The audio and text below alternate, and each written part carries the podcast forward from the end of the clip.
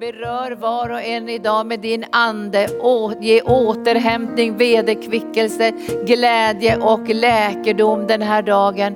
För nu välkomnar vi dig Jesus och vi välkomnar dig heliga ande att öppna ordet. För vi har öppnat våra hjärtan genom lovsången och genom vårt givande. Och nu öppnar vi också våra hjärtan för ordet, för din närvaro och för dina sårmärkta händer att hela och upprätta idag. I Jesu namn. Amen. Tack Jesus. Underbart, ni tycker om lovsång. Det gör vi allihopa här. Vi är på väg, det är någonting härligt med Gud, alltså han säger att han för oss från härlighet till härlighet. Det finns en längtan från Guds hjärta att kunna uppenbara mer och mer av sin vilja, sina tankar, sina önskningar, sin kärlek in i våra liv. Jag vill tacka, du hade så jättefint kollekttal här. Vi har våra, våran skatt i himlen och det står ju att om vi inte är trogna i den, med den orättfärdiga mammon, hur ska Gud då kunna ge oss den verkliga rikedomen? Den verkliga rikedomen är inte pengar. Det är inte att få djupa rötter i den här världen och fram, få liksom framgång på det sättet. Utan den verkliga rikedomen är att lära känna Jesus och kunna föra ut evangelium så att människor får reda på vem Jesus är. Visst är det viktigt? För församlingens första uppgift är ju att bereda en plats där Jesus kan uppenbara sig så att människor ska kunna bli frälsta. Man blir inte frälst hur som helst säger Bibeln. Man blir frälst därför att någon förkunnar och någon predikar. Hur ska man kunna bli frälst om alla är stumma? Någon måste predika eller vittna om Jesus för att den heliga ande ska ha ett material att arbeta med. Tack Jesus. Och därför vill jag fråga idag, finns det någon här för första gången på arken?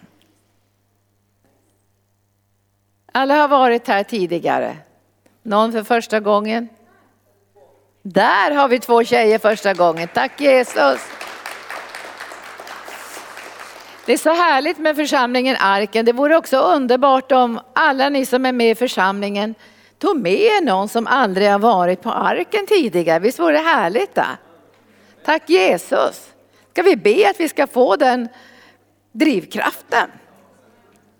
Så jag tackar dig nu Herre för att på den här platsen ska vi ha mängder med människor som aldrig hört talas om dig riktigt. Men som har fått ett vittnesbörd på gatan eller på arbetsplatsen eller att de har sett ett tv-program och de har fått en sån längtan att få möta andra människor som följer Jesus och älskar Jesus. Och jag ber Herre att församlingsmedlemmar i arken ska få den här nåden och favören att kunna öppna evangelium för någon på arbetsplatsen, skolan, på gatan, i bussen bussen så att människor ska få möta dem som känner Jesus. Inte bara en eller två men en stor grupp som känner Jesus och älskar Jesus. Halleluja! Förra söndagen så höll ju pastor Gunnar ett kollekttal. och Jag visste inte om att han skulle hålla ett extra kollekttal. Och han höll ett extra kollekttal till en kampanj som vi ska ha i arken. Vi tänker synliggöra Jesus under 2022. Alltså vi tänker använda en stor dagstidning och helsidesannonser där varenda en ska veta hur blir man frälst. Visst är det viktigt det? Och nu har vi en sponsor på gång förstår ni. Att vi ska kunna ha den här ljusskylten. Du vet när man kommer in här mot Kungsängen så är det en stor ljusskylt. Som eh, de liksom berättar om allt möjligt, där reklamgrejer. Den har vi, vi verkar ha fått en sponsor där. Så vi ska kunna sätta upp där, lär känna Jesus eller vill du lära känna världens frälsare? så ska det vara synligt där med den här vackra ljusskylten. Så när människor kommer in mot Kungsängen så ska de se, oj, där står det något om Jesus. Och så ska vi säga så här, att man kan komma till arken och möta dem som älskar Jesus. Visst är det viktigt det? Om man möter någon, en på gatan som vittnar om Jesus så skulle jag nog vara lite sådär skeptisk och tänka är det någon konstig sekt eller någon som är lite knäpp som kommer och vittnar. Jag tror inte att det varit öppen när jag var ofrälst för människor på gatan. Det, det, som det tog emot så här. Men jag tror att Gud kommer att öppna också dörrar så att man kan nå fler på gatan, på torgen, överallt. Va? Men jag tror människor längtar efter att se fler människor som älskar Jesus. Eller hur? Olika kulturer, bakgrunder.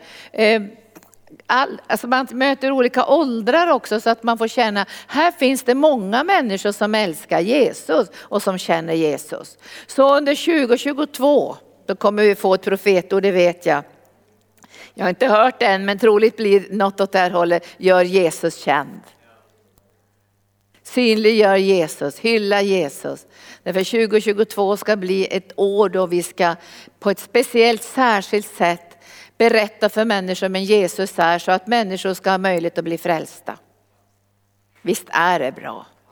Tack Jesus. Och nu har vi varit som Jennifer sa, vi har varit hela helgen på retreat.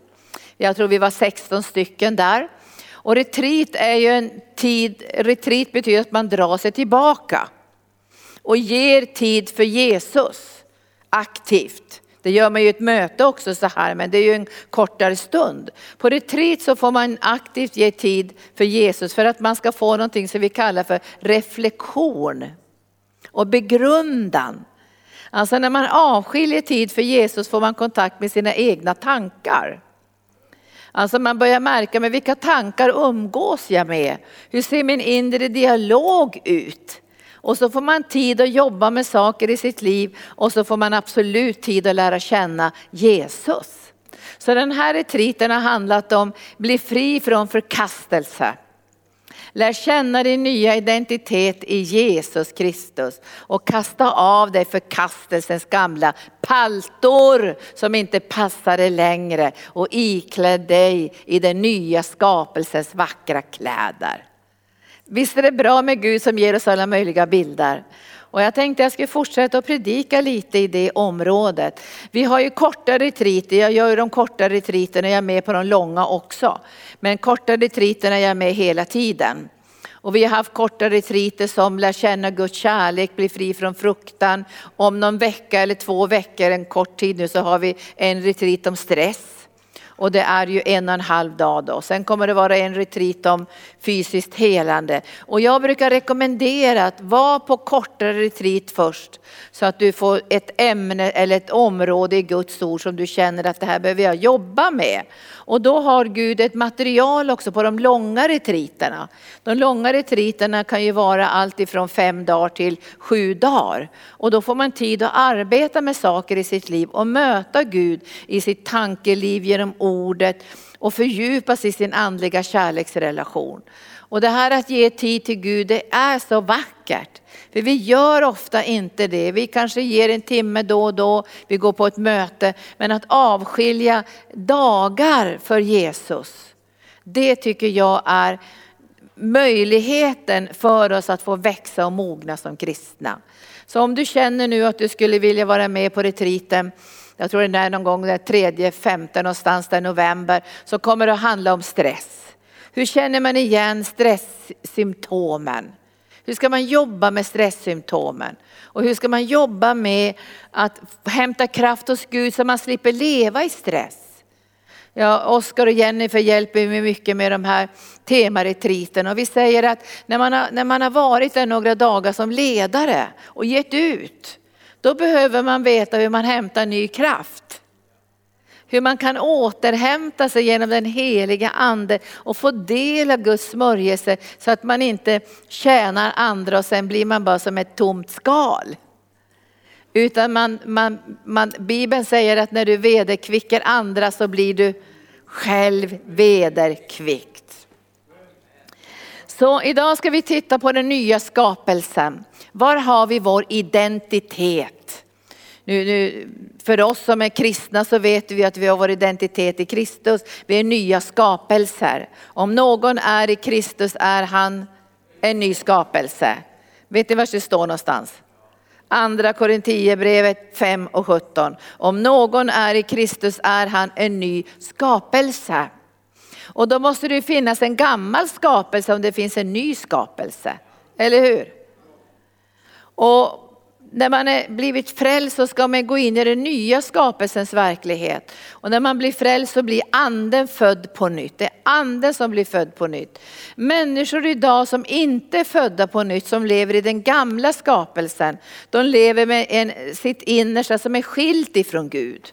Det är därför det finns så mycket förvirring om identitet och människor undrar, vem är jag? Många har sin identitet i kroppen, hur man ser ut. Och nu är det väldigt populärt att man ska träna sin kropp och man ska nästan plåga sin kropp. Jag såg snabbt, jag kom hem igår och så slog, vi på tvn och så tror det stod så här 112 dagar av fruktansvärd träning. Måste få en snygg kropp. Ja men Gud vill att du ska ha en snygg kropp. Men det finns ju någon måtta på det hela, eller hur? Och jag brukar tänka på de här som har gått på den där Biggest Loser. Det är jättesvårt att behålla den där vikten därför att problemen är ju på insidan, eller hur?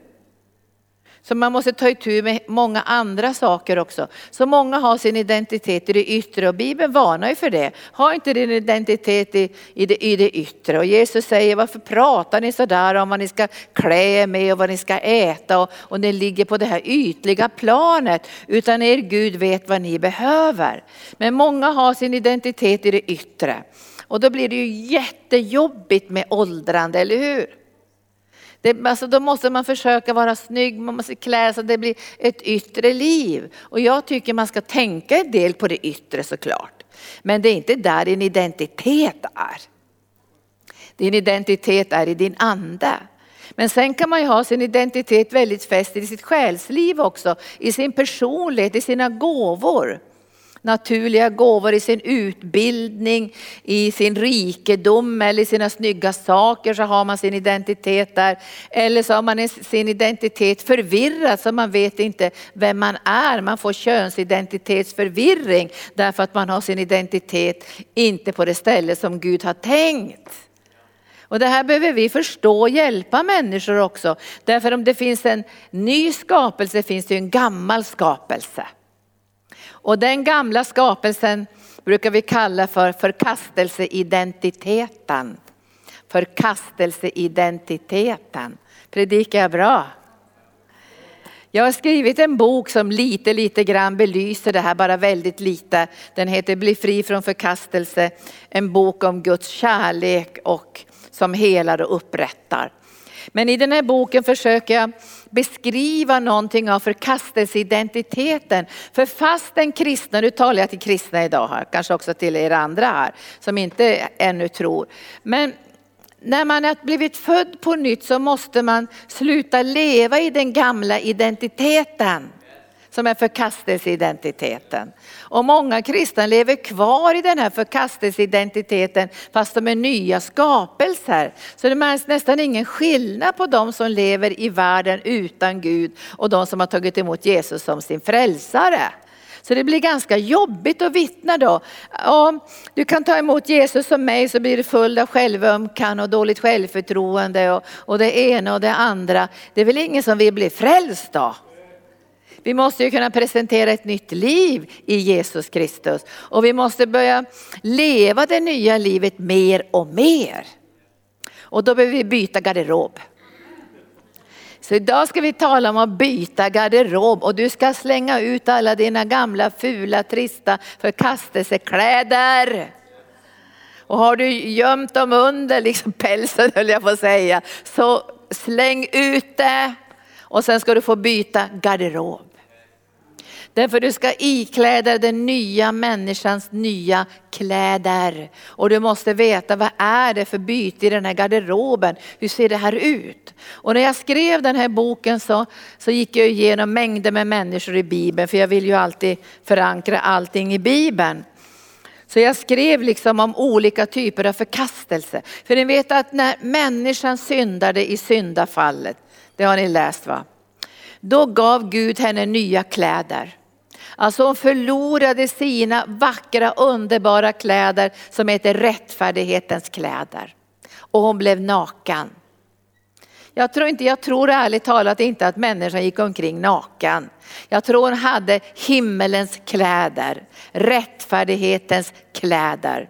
Men när människan föll i synd så skildes hennes ande ifrån Gud. Det är syndafallet. Hennes ande skildes ifrån Gud och då trädde Gud fram. Och vet ni vad han gjorde? Det står i första Moseboken. Han gav henne nya kläder. Han slaktade ett får eller ett lamm och gav dem kläder av skinn för att skyla över deras nakenhet. Det är den fallna skapelsen som är, var tvunget att få skinnkläder som ett beskydd. För det står ju i Bibeln att ett djur måste offras för att överskyla mänsklighetens synd. Men nu offrar vi inte längre djur, utan Jesus är offrad en gång för alla. Så genom Jesus Kristus har vi fått tillbaka den vackraste vita klädnaden någonsin som heter rättfärdighetens klädnad.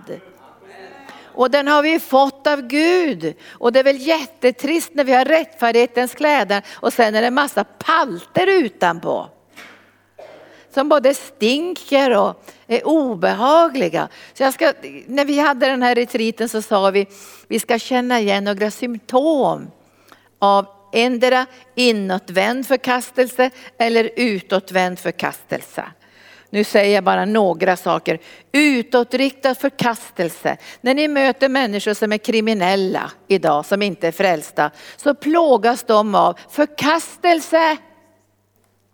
Det är det som är själva plågan. Därför att när man har en utåtvänd förkastelse så plågas man av prestation och lagiskhet.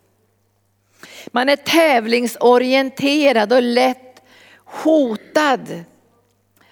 Man lever i förnekelse, man stöter ut andra, man mobbar andra. Det finns uppror, kriminalitet, konfliktbenägenhet och så vidare. Därför att det är en, det här yttre utåtriktade förkastelsen. Och när man känner igen den då ska man känna så här inför Herren, det här ska jag kasta av mig faktiskt. Jag ska inte ha den här identiteten längre för jag är en ny skapelse. Men bland kristna tycker jag man hittar oftare den inåtvända förkastelsen. Dålig självbild, man är inte nöjd med sig själv, problem med känslolivet, bitterhet, fruktan, självömkan, självhat. Smärtan vänds inåt i matstörningar och självvåld, överkänslighet, passivitet, beslutsångest, flyktkänsla, felaktig anpassning och ensamhet. Vill du se mer symptom så får du läsa boken. Fast jag är inte sådär jag säger så här, det är bra ibland att se det här för att förstå vad gick förlorat i syndafallet. Därför Gud stängde paradisets port. Vi får inte glömma det. När människan, när Gud sa ni måste lämna paradiset, så satte han en ängel med ett, ett, ett eldsvärd för att stänga porten till paradiset. Men jag tror att alla människor i den här världen längtar efter paradiset. Därför varenda människa har efter syndafallet ett minne någonstans inom sig att det fanns ett annat liv. Det är därför som människor söker i så många religioner, i så många tekniker. För det finns en sån längtan. Det finns någonting, men hur når jag det? Det här livet som har gått förlorat. För vi vet ju att det som gick förlorat i syndafallet, det var ju den andliga kärleksrelationen med Gud.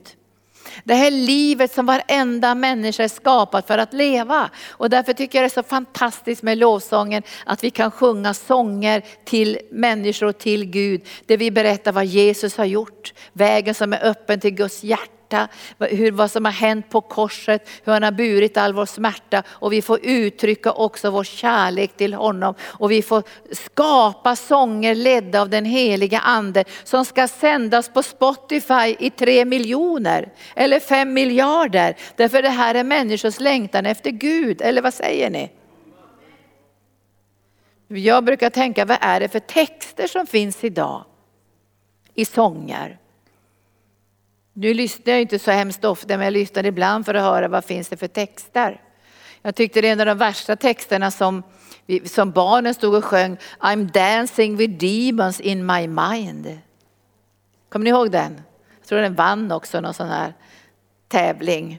Jag dansar med demoner i mitt innersta. Om du sjunger det nog många gånger, jag dansar med demoner i mitt innersta, så kan jag lova er idag att det öppnar upp för mörkrets makter att börja verka i en människas liv. Och det dröjer inte länge förrän de barnen som står och sjunger det där får, får upplevelser av onda andars verksamhet i deras liv. Därför älskar jag lovsång.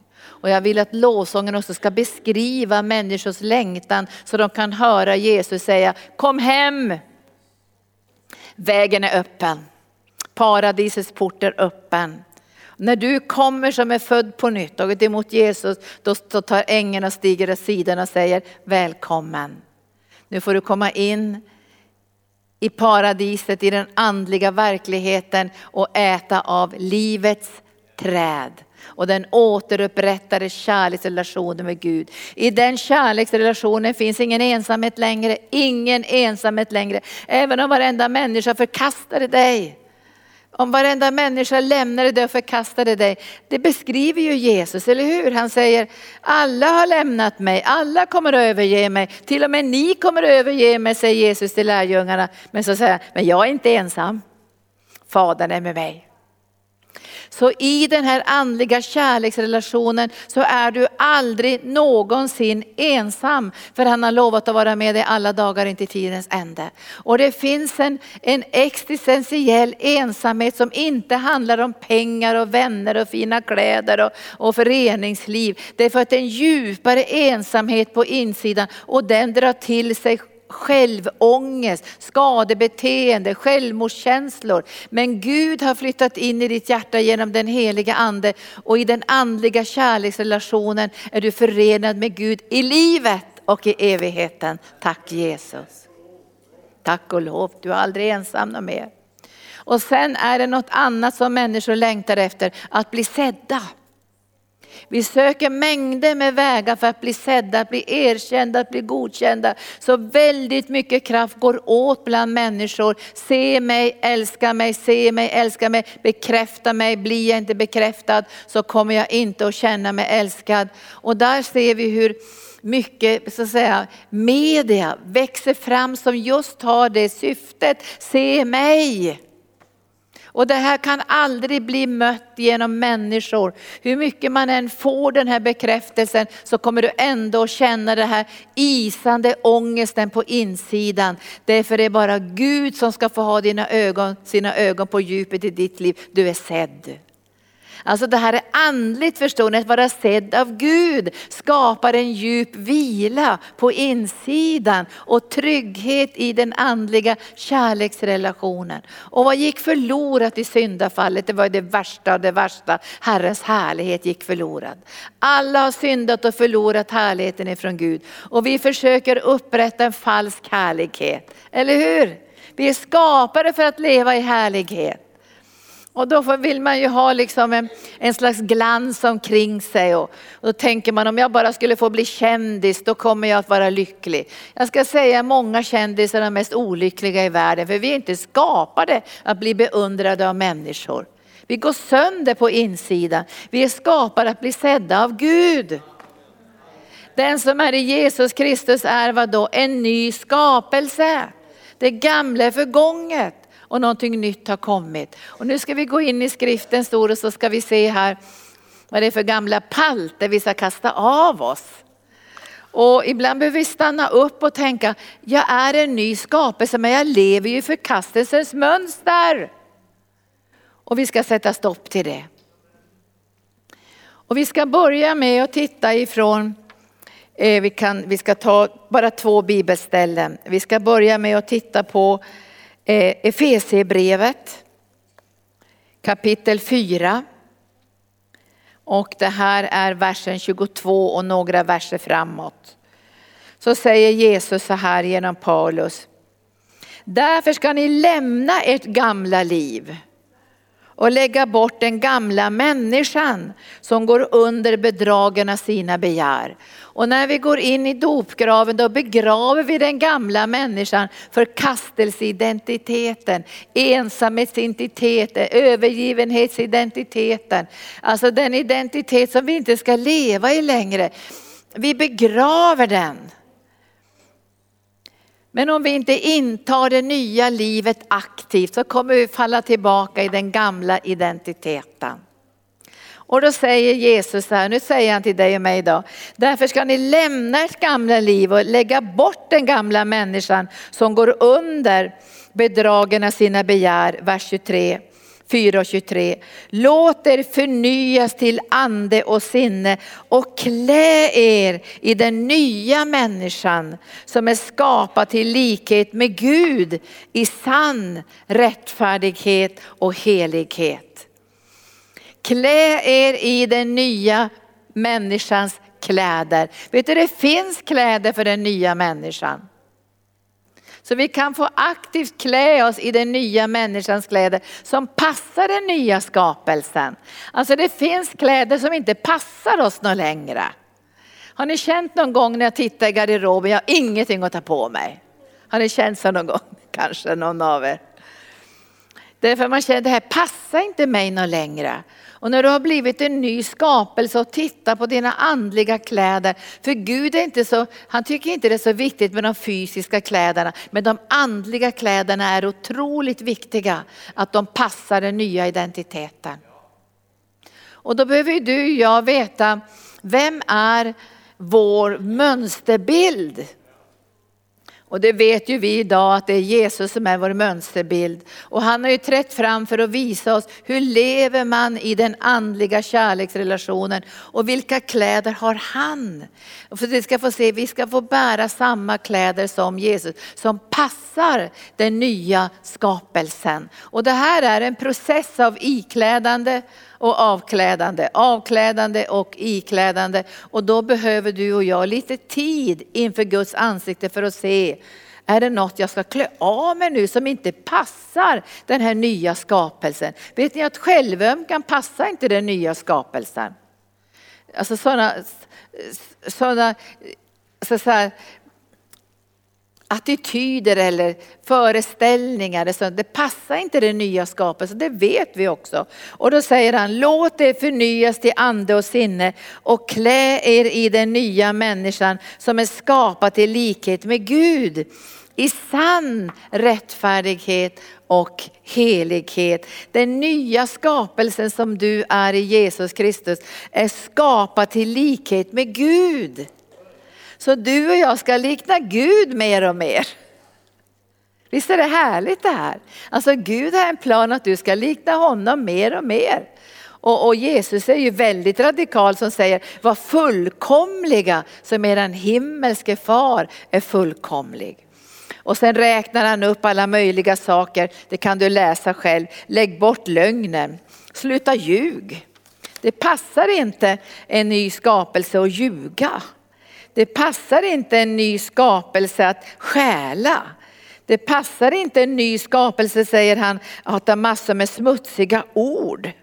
Det passar inte en ny skapelse att leva i sexuell omoral, i orenhet och girighet och skamlighet och dumt prat och grova vitsar och, och, och orenhet och avgudadyrkan. Det passar inte den nya skapelsen. Och det här kommer du att känna när du är en ny skapelse och alldeles nyfrälst. Då känner du, fy katten det här vill inte jag ha i mitt liv. Men när du klär av dig de här sakerna måste du veta att du har andra kläder som väntar på dig i den himmelska garderoben. Tack Jesus. Och nu ska det bli storstädning nu på. Visst är det bra det? Slänger bort de här gamla kläderna. Det här vill jag inte ha, något, det passar inte mig något mer. För jag är en ny skapelse i Jesus Kristus. Och då ska vi titta på det det här bibelstället där Jesus talar till oss i tolfte. Men först så säger han i åttonde versen vad vi ska lägga bort för någonting. Han säger i åttonde versen i kapitel 3 i Kolosserbrevet och versen 8. Ni ska lägga bort. Har vi någon liten ful kappa där i skåpet som heter vredeskappan? Vredeskaffan, vi slänger ut den. Har vi någon, det kan, vreden kanske är lite jobbig, men det finns kanske en annan klänning eller byxor som heter ilska. Vet du, det passar inte en pånyttfödd människa att gå omkring och vara ilsken. Alltså det är som att man tänker, det skämmer på något sätt, eller hur? Så säger han, men släng ut det där, släng ut det där. Den där gamla fula jackan där. Och så säger han, ondskan ska ni också lägga bort, förtal ska ni lägga bort. Vet du att för, det står i Bibeln att förtal är som läckerbitar som tränger in i människors innandömen. Visst är det otäckt det? Att det finns en sån kraft i den fula kappan eller klänningen eller byxorna som heter förtal. Och man måste göra aktiva steg och slänga ut det säger det här, det här vill inte jag ha längre i min garderob. För att om man går och tittar i garderoben sen så tänker man, åh här står ju förtalströjan på sin hängare här, jag tror jag tar på mig den idag. Men om du har slängt den så finns den ju inte kvar och då kommer du att märka att du trivs inte längre i dina egna tankar av förtal. Du trivs inte där något mer. Och du kommer inte heller att trivas bland människor som har de här kläderna på sig. Om du ska möta dem med Jesu kärlek så är du ju evangelist. Men du kommer inte att trivas och vara tillsammans med människor som är klädda på ett sätt som är ovärdigt den nya skapelsen. Och ibland vet man ju inte vad som är ovärdigt, ärligt talat. Man, man har glömt liksom bort det. Därför att man har inte gjort den här garderobrensningen på länge. Därför, därför rekommenderar jag retreat där man gör garderobrensning. Vad ska vi lägga bort mer för någonting? Fräckheter från vår mun. Jag kommer ihåg, jag skulle vara, det är säkert 50, 45 år sedan så skulle jag vara på någon, tog de med mig på en stand-up grej, någon sån komisk grej. Och det var bara fräckheter och fulheter om Gud. Så jag sa, det här tänker jag inte lyssna på. Alltså de kläderna av dåliga skämt och fräcka saker, det tillhör inte den nya skapelsen. Och nu gör vi ingen syndakatalog sådär, nu, det här är synder, det här är synder. Utan vi ska tänka så här, vad passar mig att klä mig i som är en ny skapelse? Som har fått underkläderna eller vad ska jag säga, det innersta kläderna som heter rättfärdighetens vita kläder. Det är det som är innerst i mitt och ditt liv och det står klä er i rättfärdighetens pansar. Och då kommer du att känna sen, vad passar mig som är en ny skapelse? Vad, vad, vad, ska, vad ska jag ha för kläder på mig som ärar Jesus? Och det här är ju ett bönarbete som du och jag får göra och vi får ge lite tid till det här. Och skulle man kalla det för någonting annat så skulle man kunna säga helgelse, eller hur? Men vad ska vi kasta ut för gammalt skräp nu här? Han säger så här, kasta ifrån er fräckheten också, sluta ljug också. Ni har ju klätt av den gamla människan och hennes gärningar och klätt sätter i den nya människan som förnyas till rätt kunskap och blir en avbild av sin skapare skapare. Alltså vilken hög tanke Gud har om dig som har tagit emot Jesus som frälsare. Du ska förvandlas och bli lik Jesus så att människor ska se i den här världen skillnaden på förkastelseidentiteten och den nya skapelsen. Det måste vara skillnad på den som är född på nytt och den som inte är född på nytt. Alltså det måste vara skillnad. Därför att den som är pånyttfödd har ju fått relationen med Gud tillbaka och Guds härlighet över sitt liv. Det är klart att det måste bli skillnad. Men om vi fortsätter och lever i den gamla skapelsens verklighet så syns inte det här nya livet som vi har fått. Så nu kallar vi den här dagen för garderobsrensning. Nu ska vi se här vad han säger. Låt er förnyas till en rätt bild och få kunskap och bli en bild av din skapare. Och sen säger han, nu ska vi se vad vi ska klä oss i. Några kläder bara. Vi, vi får en sån här grundgarderob. Har ni, har ni hört sådär när man ska göra om folk som inte har någon stil? Då säger man så här, det här ska du ha i din grundgarderob. Så räknar man upp olika klädplagg som alla ska ha i grundgarderoben. Nu kommer vi till grundgarderoben här. Vad ska vi ha i den här grundgarderoben? För att vi ska få lust att kasta ut alla de här gamla kläderna så måste vi veta vilka vi är. vad vi har fått tillbaka genom den nya skapelsen. Och nu säger Jesus vem du är och så säger han, klä er därför, nu är det motivation som kommer i tolfte versen, klä er därför som Guds utvalda. Guds heliga och Guds älskade.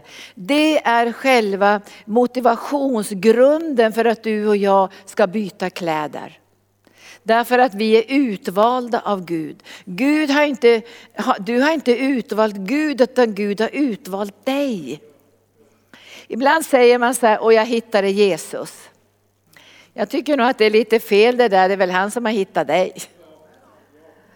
Därför han har utvalt dig. Och det här att vara utvald gör dig väldigt specifik. Alltså det gör att du kommer att känna dig värdefull. Alla människor som är utvalda känner sig värdefulla. Jag pratade häromdagen med en kille som filmskådespelare och han skulle få göra en sån här casting på, på en stor roll, som viktig stor roll. Och det var fyra stycken som fick göra den här castingen. Och han ville ju få rollen. Men de valde någon annan. Så han fick inte rollen. Men jag tänkte på honom efteråt, hur lycklig han hade blivit om han hade fått rollen, om han hade blivit utvald. Så de här som valde de här personerna, skådespelare, sagt, jag väljer dig. Jesus har pekat på dig och valt dig. Du kanske trodde att han inte såg dig, du var bortglömd och ingen visste vem du var, han visste vem du var. Jag tror att David måste ha känt att det var jobbigt. För bröderna blev ju utvalda att träffa profeten, sju stycken. Och de var välvårdade, de var snygga, de var eh, långa, de var strålande vackra de här bröderna, sju bröderna. Men David han liksom vem är han? Han är ju bara liten och han ska ut med getterna och fåren ut på, ute, ute på fältet och de hade glömt bort honom. Men jag tror att han måste, han måste ha känt sådär, åh tänk om jag också hade blivit utvald bland de här, så jag hade fått komma som nummer åtta. Men han var inte utvald. Men Gud visste var han var. Så jag vill säga till dig, var än du är i livet, och Bibeln säger till och med att om du bäddar åt dig i dödsriket är han där. Alltså han vet precis vad du är och det står i Bibeln, han kallar dig vid namn. Han kallar dig vid namn. Han vet vem du är. Och när han pekar på dig så ska du veta att du är vald, du är utvald. Så alla är Guds favoriter. Nu får vi inga roller här i livet. Vi får, vi får personligheter, vi får kallelse, vi får utrustning, vi får mening. Du är utvald. Och när jag tänker på att jag är utvald då blir det, det blir heligt för mig. Att jag är utvald. Och jag tänker vad är jag utvald till? Jo jag är framförallt utvald att bära Guds härlighet, att synliggöra Jesus. Men jag är också utvald till tjänst. Att göra Jesus tjänst över världen. Vi är utvalda att ha ett stort missionsarbete. Vi är utvalda att, att, att, ha en bibelskola här. Vi är utvalda att hjälpa människor att möta Jesus. Vi är inte vilka som helst. Och, när, och när, när profeten fick se de här sju sönerna, som skulle, de skulle ju välja nästa kung. Så, så säger han, så han tänker, tänker profeten Samuel, det är han. Han är ståtlig, han är välbyggd, han, han, han är väldigt fin den här killen och Gud säger nej det är inte han, nej det är inte han, nej det är inte han, nej det är inte han. Och då säger han, du ska inte se på det yttre utan jag ser till hjärtat säger Herren. Och jag tänker ibland så här, har Gud favoriter? Så att han bara väljer ut några som han ska visa upp och, och man tänker ja han har sina favoriter, han bara fjäskar för vissa. Visst, man kan ju tänka så men det gör inte ni va. Utan alla är Guds favoriter. Och Gud har en speciell plan för varje människas liv. Du är utvald. Och har du haft ett liv där du inte har blivit utvald, du har blivit mobbad, du har blivit sviken, du har blivit satt vid sidan, då ska du veta att Gud kommer att hitta dig och så kommer han att lyfta upp dig och säga, det här är min pojke, det här är min flicka. Så när profeten hade, hade sökt Guds ande för alla de här bröderna så säger han till pappan, är det här alla, finns det ingen till son? Och då säger jag, men vi har ju en, men han är där ute och luktar lagård. Han är med fåren och getterna och det är ingenting. Men då säger profeten, hämta honom. Och när han såg den här unga David så såg han smörjelsen. Och när du är utvald har du en speciell smörjelse över ditt liv. En härlighet som definierar din kallelse och din personlighet. Du är utvald, så låt inte djävulen attackera dig längre med självömskan, med självskadebeteende, med jämförelse. Det finns ingen jämförelse i den nya skapelsen för det kommer aldrig bli någon som du. Så ha inget ideal och titta på någon känd profet eller någon förkunnare och säga, åh jag skulle bli lik den personen. Vet du, det är ett nerköp. Utan då blir du bara en jättedålig kopia. Du är ett original, du är utvald och bära Herrens härlighet. Och då måste vi kasta av oss den här förkastelsen att jämförelse, ensamhet och konkurrens som vi också har i kristenheten tyvärr. Vad är det för idé att konkurrera om vi ska gå vår givna bana? Sida vid sida utan att tränga varandra. Om vi förstår att Gud har utvalt oss allihopa med samma villkor att förhärliga sig i våra liv med sin härlighet och närvaro. Du är utvald, men det räcker inte att vara utvald. Nu stärker Jesus det här. Nu är jag kvar i Kolosserbrevet. Han säger, du är helig jag läser ifrån Kolosserbrevet 12 nu. Klä er därför som Guds utvalda. Alltså vi, när vi är utvalda, när vi är heliga och älskade. Du måste veta att du är helig och jag vill säga till dig om, om du är nyfrälst och så har du inte hunnit kasta av de gamla paltorna hela Hela skåpet är fullt med förkastelse och ensamhet och självömkan och allt det här. Och så skulle man råka dö mitt i det där tio minuter efter man har blivit frälst och man har inte hunnit slänga garderoben, slänga ut från garderoben. Men då ska du veta att du är heliggjord genom Jesus Kristus. Så när du träder in i himlen och även om du inte har hunnit helgas på något område och lägga undan saker så kommer du att stå där i helt rena vita kläder. Och jag älskar att läsa uppenbarelseboken när Johannes säger, vilka är de där? Som följer lammet med de vita kläderna. Det är de, säger han, som har kommit ur den stora bedrövelsen och tvagit sina kläder rena i lammets blod och nu tjänar de honom dag och natt. Därför du är helig oavsett om du har hunnit göra upp med saker eller rensa undan grejer eller kanske till och med inte, kanske inte hunnit sluta med droger ens för du blev frälst för fem minuter sedan. Så inför Guds ansikte är du helig. Det motiverar dig. Gud ser dig i Jesus Kristus med de rena kläderna. Men det är klart att han önskar att du här i jordelivet ska få återspegla honom. För annars är det lika bra att gå till himlen på en gång. Utan han håller ju på att synliggöra sig själv i den här världen genom sitt folk. Och därför säger han, du är utvald, du är helig och du är älskad. Låt det motivera dig. Och så säger han, nu ska jag visa dig vilka kläder du kan börja med, de första kläderna i garderoben. Läs det här när du kommer hem och så säger tack Jesus att jag har den här vackra klädnaden som heter innerlig barmhärtighet. Det, det, är det första som Jesus säger här genom Paulus. Du har fått en ny klädnad som heter innerlig barmhärtighet. Saliga är de barmhärtiga för de ska få barmhärtighet. Och det första som du kommer att uppleva i den här nya vackra klädnaden som du får efter rättfärdighetsklädnaden är Guds barmhärtighet, alltså nådens klädnad. Det är nådens klädnad. Ibland har jag hört människor säga, ja men vi ska inte prata för mycket om nåden för då kommer människor leva hur som helst. Det tror inte jag ett ögonblick på. När man får del av Guds nåd, innerlig barmhärtighet, så vet man att det kostade Jesus livet för att ge mig den nåden. Det är dyrbar nåd. Alltså det här är nog den vackraste klädesplagget efter rättfärdighetens klädnad. Det är att få klä sig i innerlig barmhärtighet och se Guds barmhärtighet vilar över mig. Och i evigheten så kommer du inte vilja ha rättvisa, eller hur? Du kommer inte stå där med någon anklagelseskrift och säga, de här är jag arg på, de här är jag arg på, de här har hindrat mig, de här har stått mig i vägen, de här har pratat skit om mig. Det kommer inte vara intressant ens, eller hur? Därför du, du kommer att säga, jag vill inte ha någon rättvisa på det sätt jag vill ha nåd.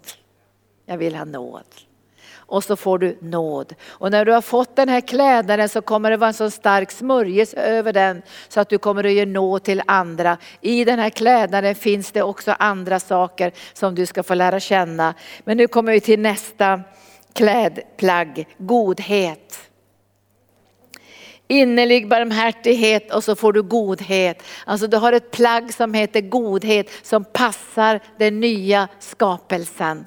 Det här får du av Gud, av nåd, eller hur? Därför vi kan inte prestera godhet men vi får den här klädnaden av Herren som nya skapelser, innerlig barmhärtighet, godhet och sen läser jag vidare ödmjukhet är också en del av de här nya kläderna. Mildhet och tålamod. Och så finns det ett klädplagg som heter ha överseende med varandra. Ha överseende med varandra. Och i det här klädplagget så finns det också något som heter om ni har något att anklaga någon för. Så när du och jag får del av innerlig barmhärtighet, vi får del av godhet, vi får del av Herrens mildhet så kommer vi få ett klädplagg som heter att vi överser som det står med varandra och vi förlåter varandra om vi har någonting att anklaga någon för. Som Herren har förlåtit er ska ni förlåta varandra. Tack Herre för de här klädplaggen, innerlig barmhärtighet, godhet, ödmjukhet, mildhet och tålamod.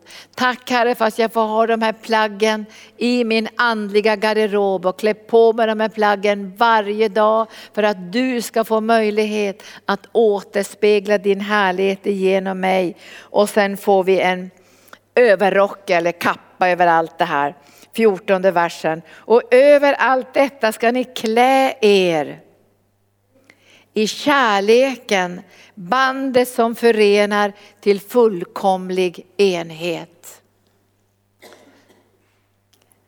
Du har fått nya kläder. Visst är vi tacksamma över det? Den nya skapelsen, den gamla skapelsens kläder. Jag tror att de flesta av er tänkte att ni har lagt det i dopgraven, eller hur?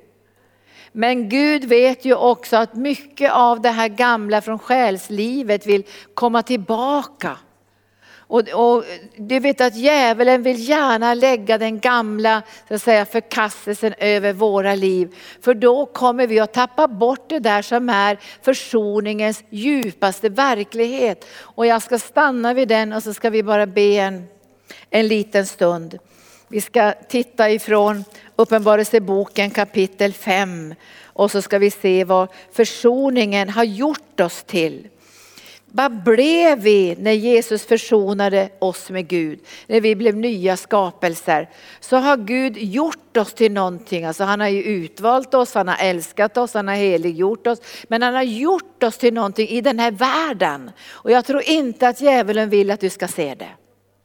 Han vill inte att du ska se det. Han vill att du ska gå omkring som en liten mask. Åh, jag är så misslyckad, jag vågar inte säga någonting, jag ska, jag ska liksom smälta ihop med väggen. Eller så blir du utåtagerande och bråkig och upprorisk och kötslig och käftig. Det förhärligar inte Gud heller särskilt mycket.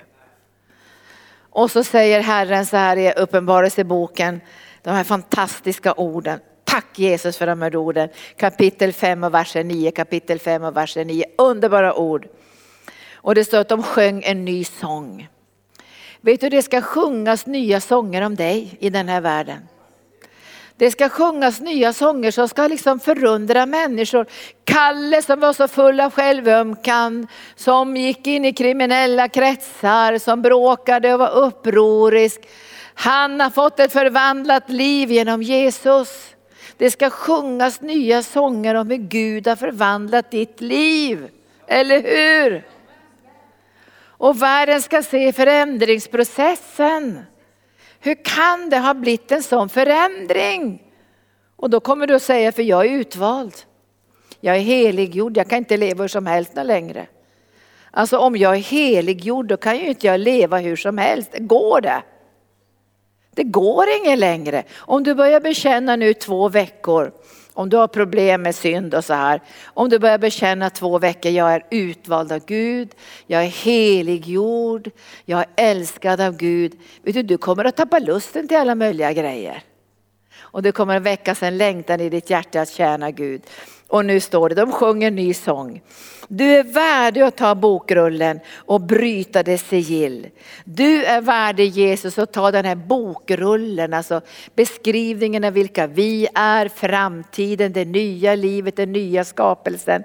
För du har blivit slaktad och med ditt blod har du friköpt människor åt Gud. Du har friköpt dem att lämna den gamla identiteten av förkastelse, utanförskap och ensamhet till att få den nya identiteten i Jesus Kristus. Och han har betalt det här med sitt blod. Så det finns ju en förväntan från Guds sida. Och då står det i tionde versen, det här måste ju reta djävulen och fruktansvärt. För innan jag var frälst så brukade jag ju retas med de kristna för jag tyckte att ska det bli en förändring i den här världen måste det vara politisk förändring.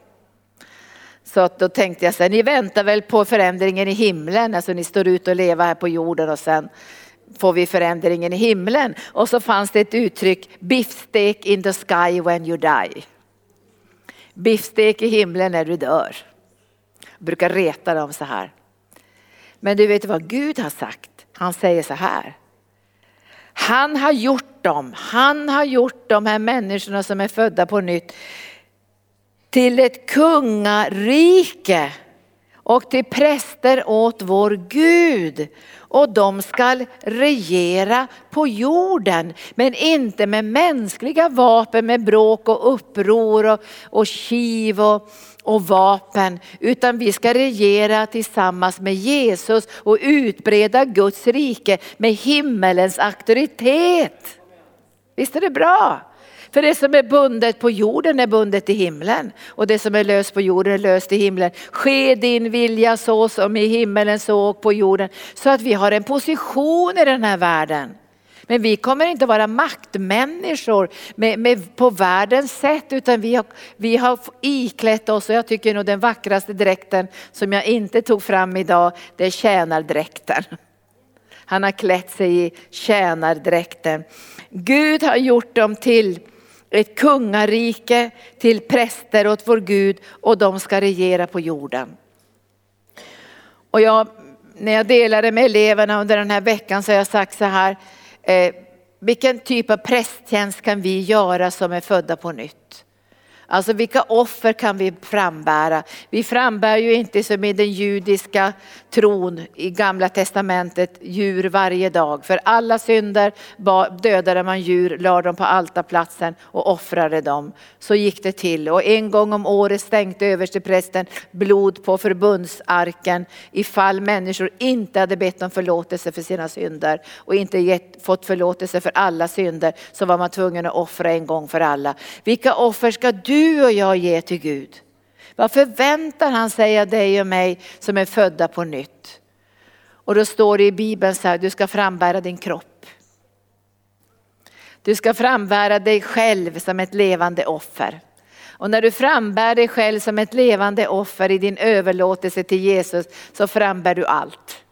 Du frambär din utbildning, du frambär dina gåvor, du frambär din personlighet, du frambär allt och lägger det på altarplatsen och säger Herre använd mig. Det är det offer som Gud vill ha, ett levande offer. Han dödar inte dig på altarplatsen, du får liv. Dina gåvor kommer på, på rätt plats och din tid blir använd av Gud. Alltså det blir något vackert och skönt när du har gått utifrån Romarbrevet kapitel 12. Att du har burit fram din kropp. Det är din prästtjänst. Och sen kommer den andra delen som du kan ge i din prästtjänst. Det är lovets offer att prisa och lova och ära Jesus under hela ditt liv och sen i evigheten dela den himmelska lovsången tillsammans med alla änglar. Du är en präst och du ska regera. Det är därför som Gud säger att vi ska bygga Guds församling. En fristad för människor att ta emot befrielse, upprättelse och läkedom. En plats där Gud har lovat att vara närvarande och regera genom sin ande och han vill använda oss. Vi ska inte vara ömkliga i den här världen. Vi ska inte springa som världens människor och vara ömkliga. För Bibeln säger att han säger stå upp och var ljus. För ditt ljus kommer.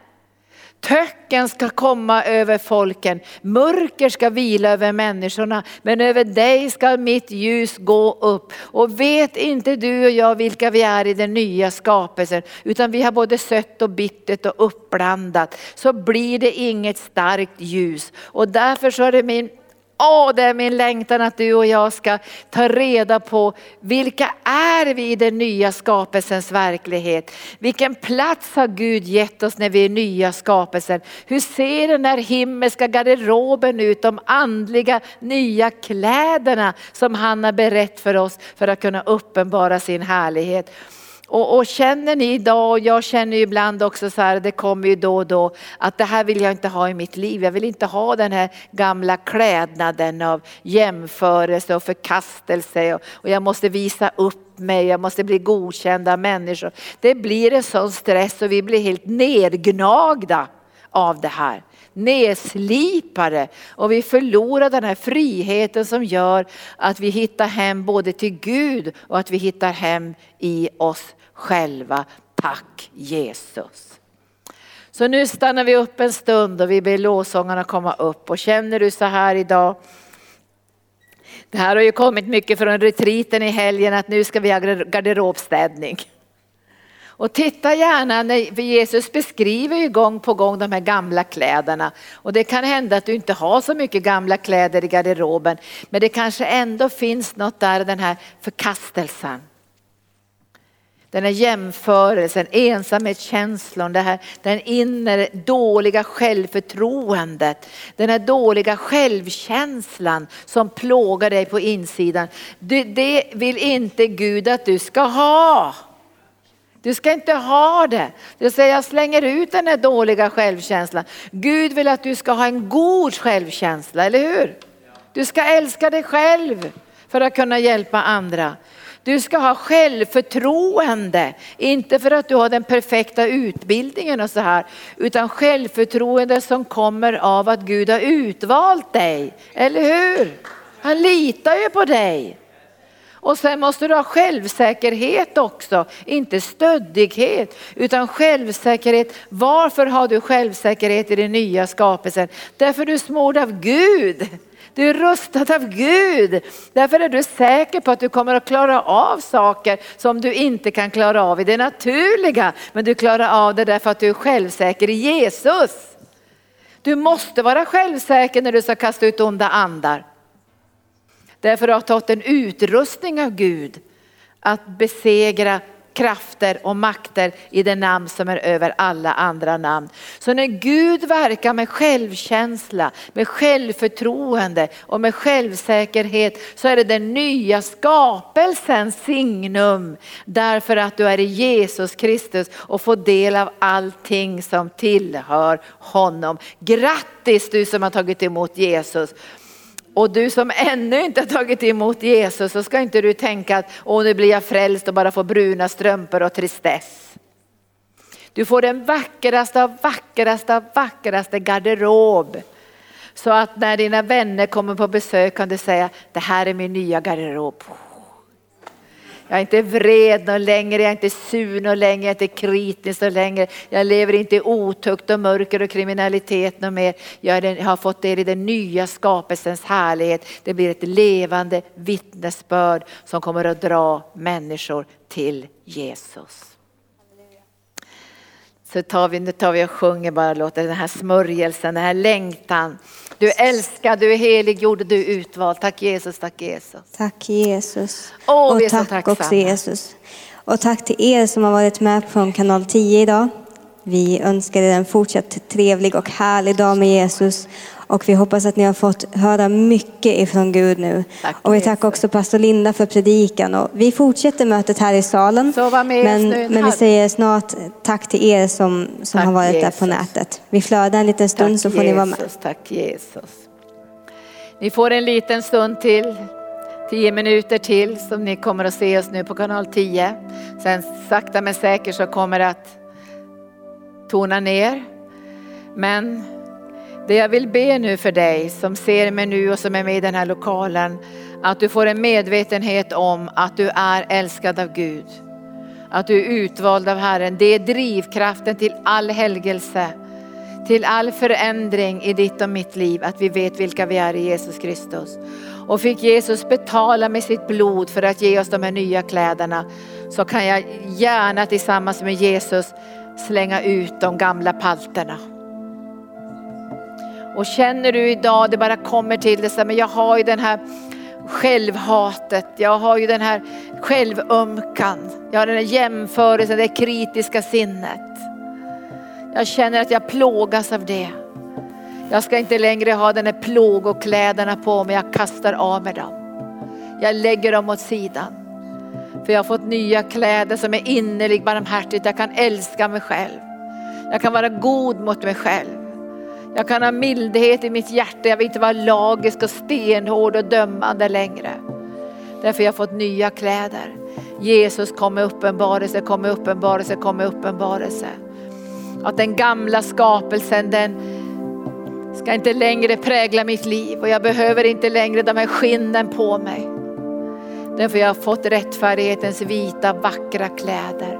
Kom helige ande. Kom helige ande. Nu kommer smörjelsen och väcker en längtan. En längtan, en längtan, en längtan, en längtan. Sjung du. Tack Jesus. Åh, vi prisar dig, vi prisar dig, vi prisar dig. Gud, visa mig Gud, visa mig Gud, visa mig Gud. Visa mig Gud. På de kläder som jag kan kasta ifrån mig. Visa mig Gud. Som inte längre passar den nya skapelsen. Som är skapat i likhet med Gud i sanningens rättfärdighet och helighet. Så jag kan gå in i prästtjänsten och lägga mitt liv på altarplatsen och våga bli den du har kallat mig till. Våga träda fram, våga gensvara till kallelsen och utkårelsen och gåvorna. Så jag ber dig heliga Ande, öppna våra hjärtans ögon så vi kan se vad den nya skapelsens verklighet innebär. Vad du har gjort oss till, vad du har gjort oss till, vad du har skapat oss till. För nu kommer en uppenbarelsens ande som gör att du kan känna igen förkastelsens sidospår och lögner som kommer emot ditt liv. Att du kan säga det här vill jag inte ha längre i mitt liv, det här tar jag inte emot något längre. Det här, det här tänker jag inte längre ska styra mina tankar. Det jag är rättfärdiggjord, jag är utvald av Gud, jag är älskad och jag är heliggjord. Och därför så klär jag mig i de nya kläderna som är förlåtelsens klädnad. Som en tjänare dräkten, som är kärlekens sammanfogande underbara smörjelse. Som är förlåtelsen och överskylandet av alla synder, som är mildheten och godheten barmhärtigheten och ödmjukheten. Tack för de vackra, vackra, vackra kläderna som passar den nya skapelsen, som utstrålar Jesu härlighet från våra liv. Och jag ber dig helige, helige, helige Ande att människor ska få se Jesus igenom oss. De ska få lära känna Jesus igenom oss. De ska få se hur våra liv har förvandlats genom hans kärlek, hur vi har lämnat mörkret och vi har trätt in i det underbara ljuset. Kom heliga Ande, kom heliga Ande, kom heliga Ande, kom heliga Ande.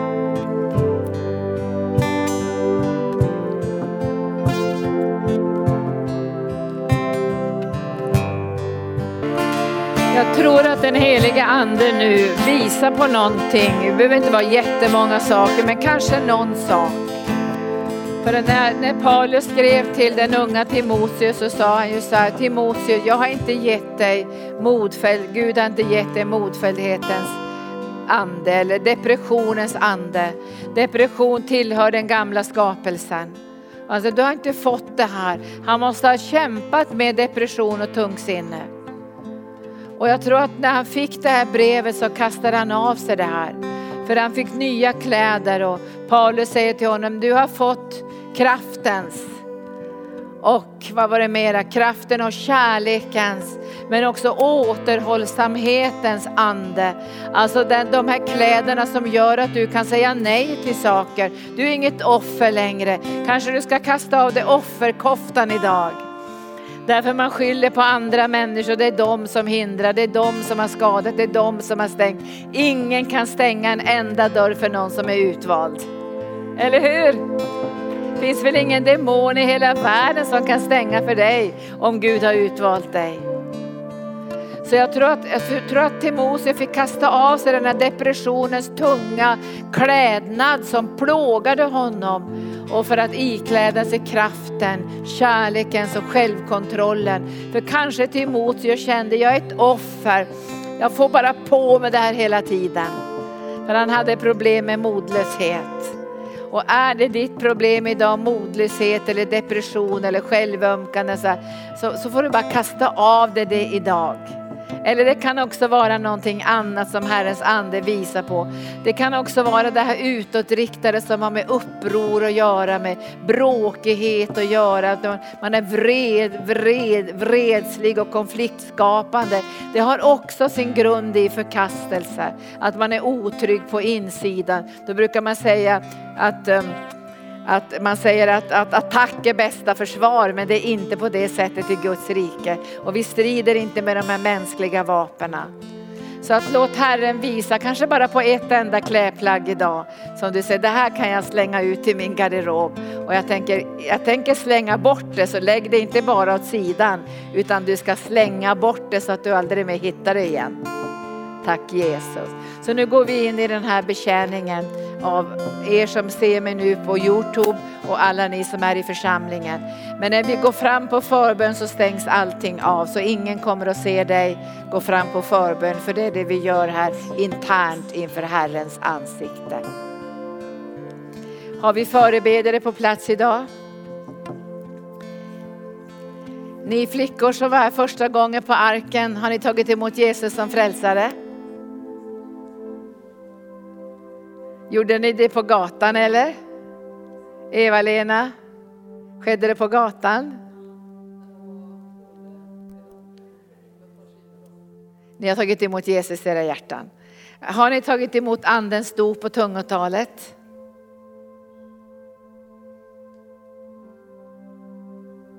Inte andens dop och tungotalet? Nej, men då tycker jag att du Maria och Eva-Lena och Eva att ni går fram och ställer er här så får ni också komma fram som inte har tagit emot andedopet och tungotalet så får vi möjlighet att be för er. Är det okej? Okay? Är det okej okay att fråga om det är okej okay att de kommer fram? Is it okay to come forward? Yes. Så då kommer ni fram också som förebeder och så betjänar ni de här härliga syskonen. Och finns det flera av er här som inte är andedöpta, ni talar inte i tungor så är det en fantastisk gåva. Det är en sån fantastisk gåva att få bli doppad i Guds härlighet och ta emot den här gåvan att kunna kommunicera med Gud ansikte till ansikte. Tack Jesus. Det flödar, det flödar. Har du ett kunskapens ord Jennifer? Har du, ser du någonting särskilt?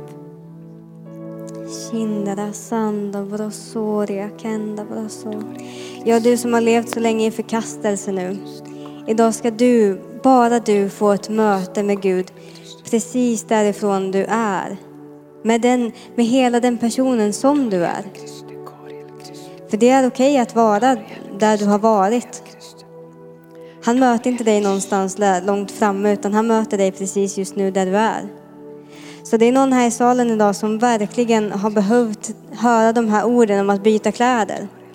Om att våga kasta av sig det här gamla. Men också att få verktyg att göra det.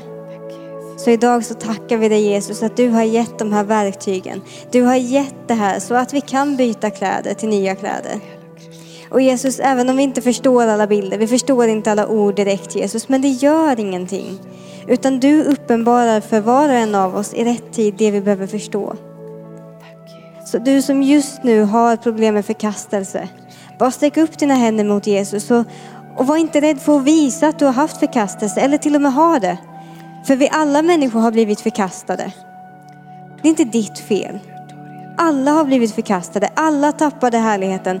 Alla har vi levt det här livet tillsammans. Där vi krockar och där, där människor inte beter sig på rätt sätt. Eller där Satan kommer med sina lögner. Du som har blivit så attackerad på ditt sinne. Sträck nu ut dina händer mot Jesus och bara tacka honom att han har gett dig nytt liv. Han har gett dig en ny färg, han har gett dig en ny personlighet, han har gett dig en kallelse.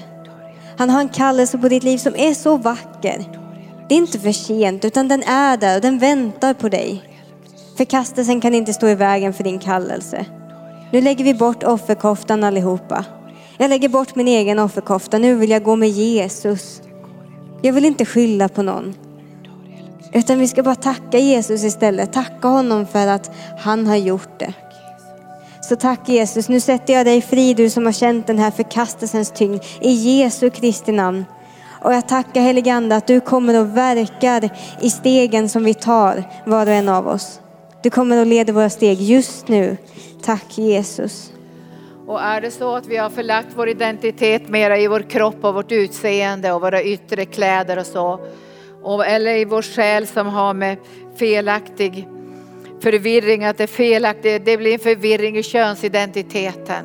Att vi har lagt också vår, vårt värde och i utbildning, i pengar eller kanske i status på olika sätt, vad det nu kan vara.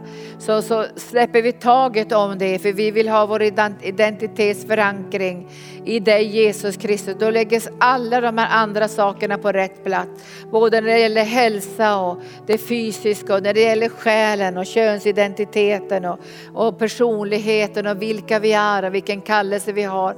För, förvirringen försvinner när du vet om att du är en ny skapelse i Jesus Kristus och den nya skapelsens fäste är din ande, din andes andliga kärleksrelation med Gud.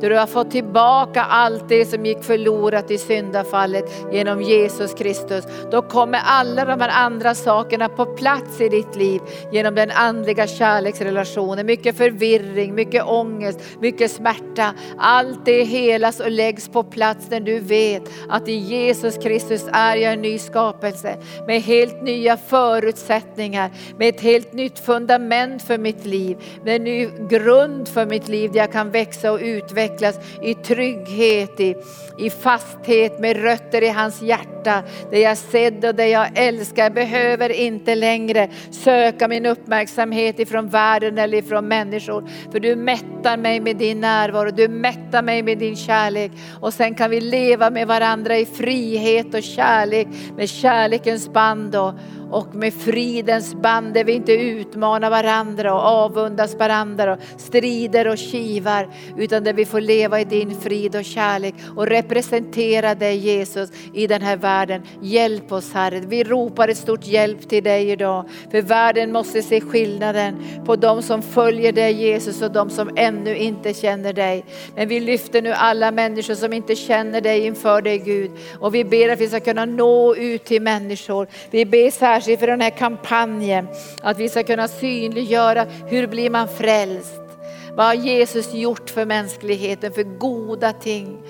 Vilket pris har han betalt? Vi vill synliggöra dig Jesus och ära dig med att vi berättar för människor. Ingen ska stå där och undra en dag inför evigheten. Vi visste inte vem Jesus var utan vi ska synliggöra Jesus, hylla Jesus och älska Jesus och representera honom med de nya kläderna. Så det ska märkas att någonting nytt har kommit. Någonting nytt har kommit i Jesu namn, i Jesu namn.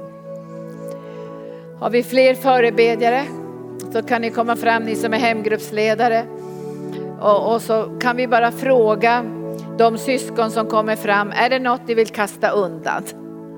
Om Gud har visat på något, depression, självömkan, offerkoftan, självhatet, upproret, vad det än kan vara som man känner, men det här är ju inte passande för den nya skapelsen som är skapad i likhet med Gud. Så får vi kasta av oss det idag i Jesu namn. I Jesu namn.